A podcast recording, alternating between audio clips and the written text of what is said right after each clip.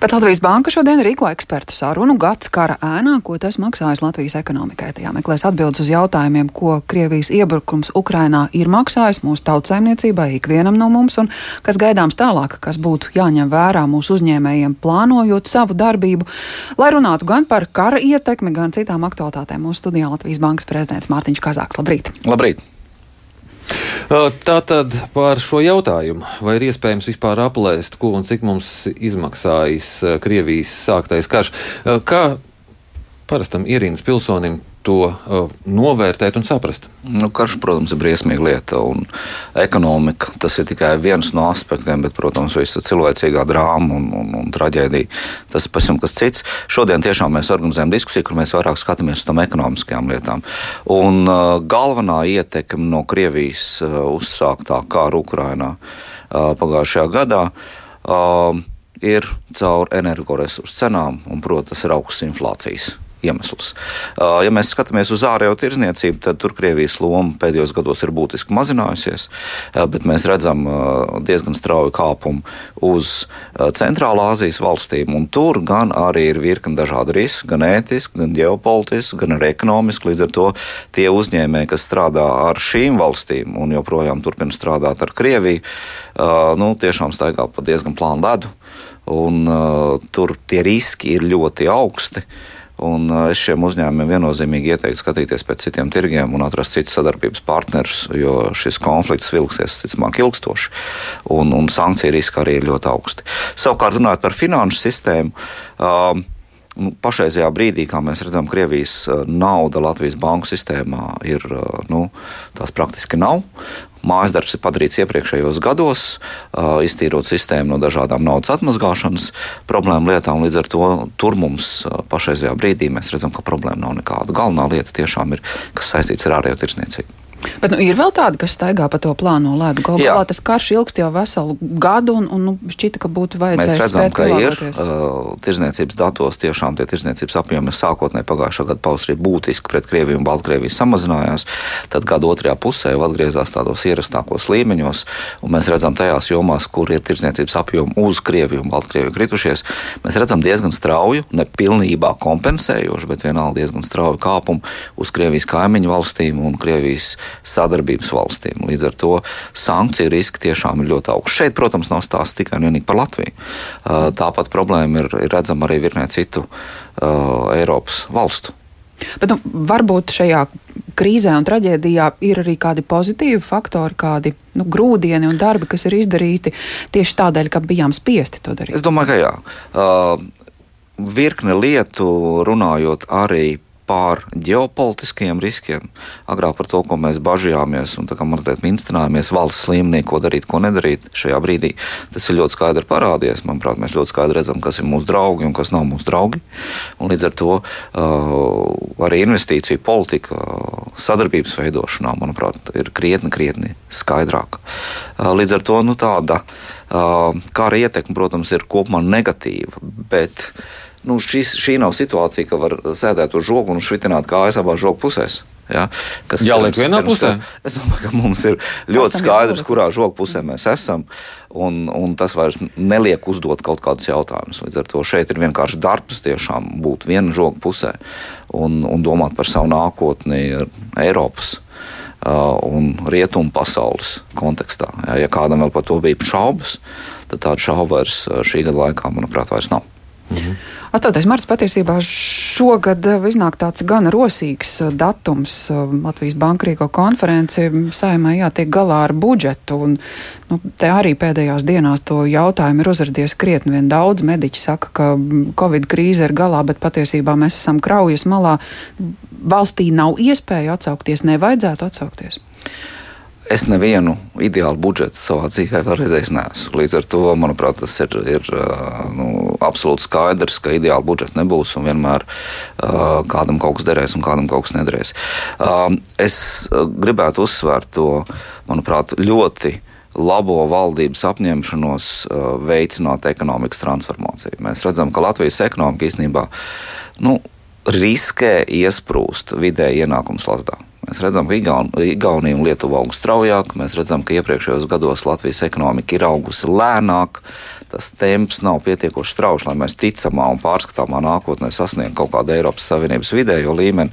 Līdz ar to um, Latvijas problēmas vienkārši ar saukli vairāk naudas pilnībā atrisināt nevarēs. Līdz ar to šeit visas reformas, kas dara ekonomiku kvalitatīvāku, kas ļauj tai kļūt produktīvākai un iedzīvotājiem ilgtermiņā pelnīt vairāk, ir pamata pamats. Attiecībā uz šo budžetu, protams, ir virkni lietu, kur naudas nepietiek. Uh, visu uzreiz atrisināt nevar. Mans mudinājums ir jā, nu tiešām tajās. Uh, sāpīgākajās liekās, lietās naudas iedot vairāk, bet vienkārši ar naudas došanu. Pirmkārt, valstī nekad tādas naudas nebūs, otrkārt, caurā spainī ūdeni lieta uh, arī nav prātīga. Līdz ar to uh, budžets ir tāds, kāds ir, ejam uz priekšu, un galvenais uzdevums ir tiešām strādāt ar uh, šo struktūrālo uzlabojumu lietām. Gan veselības jomā, gan izglītības un zinātnes jomā, gan inovāciju jomā. Vienkārši vairāk naudas šos jautājumus neatrisinās. Vidējo ieņēmumu slasts, kas tas ir? Tas ir uh, ekonomikā, diemžēl, plaši zināms fenomens, ka uh, nabadzīgākas valstis uh, sākotnēji diezgan strauji pietuvojas bagātāku valstu līmenim, un tad vienā brīdī nu, gandrīz vai iesprūst. Jā, sasniedz zinām līmeni, kur visas tās vienkāršākās priekšrocības ir izmantotas. Uh, darbspēks vairs nav lēts, bet nav pietiekoši kvalificēts. Jā, uh, investīcijas nav pietiekoši apjomīgi veiktas, nav pietiekoši gudras, un līdz ar to nu, tas cilvēks sasniedz un valsts sasniedz zinām līmeni, un pēc tam pakāpties augstāk vairs īsti nav iespējams bez būtiskām pārmaiņām. Un Latvijai šāds risks ir ļoti, ļoti reāls. Jā. Pašreizajā brīdī Latvijas ienākuma līmenis vidēji ir uh, tuvu pie tiem 80%, 75, 80% no Eiropas Savienības vidējā. Mēs augam, bet aug arī pārējā Eiropa.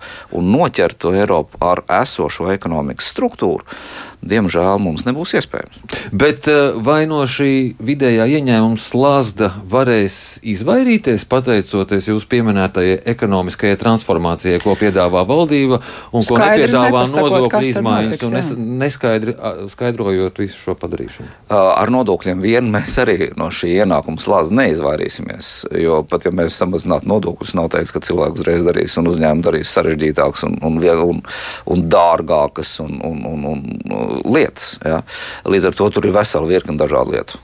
Bet nu, par to dārgāko darīšanu vēl viens uh, aspekts ir kreditēšana. Mēs redzam, ka daudz kur uh, peļņa aug, tā skaitā nodokļu ieņēmumi, arī banku peļņa aug tīri objektīvi, jo procentu likmes aug. Tas arī nav tāds uh, nu, zināms risks, jā, ka, ka nu, nevarēs vairs atļauties to izaugsmu šajā jomā. Procentu likums aug tāpēc, lai piebremzētu inflāciju. Ko mēs redzam, ja sākotnēji inflācija bija tiešām Ukraiņas kara.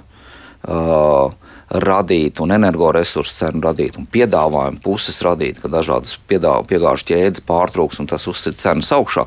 Tagad mēs, diemžēl, ne tikai Latvijā, bet arī eh, Eiropā redzam, ka pieprasījuma puse kļūst ar vien būtiskāk. Līdz ar to tā nav vairs tikai un vienīgi kā izraisīt inflāciju. Tur jau ir ieslēgušies iekšēji mehānismi, kas to inflāciju dzēna uz priekšu.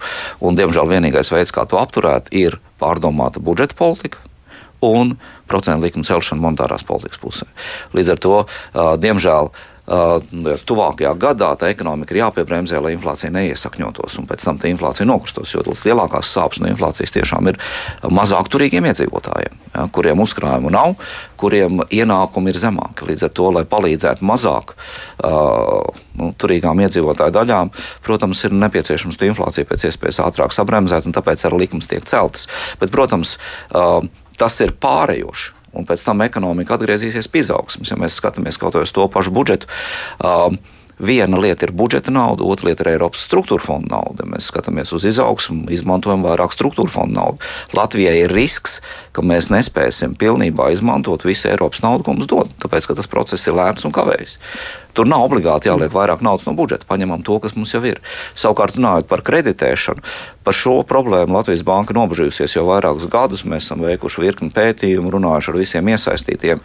Un šajā brīdī, manuprāt, nevajag meklēt vainīgos, kas ko kādreiz ir izdarījis vai nav izdarījis, bet sanākt visiem kopā un saprast, ko tad mēs darām, lai nākotnē vairs tā nebūtu.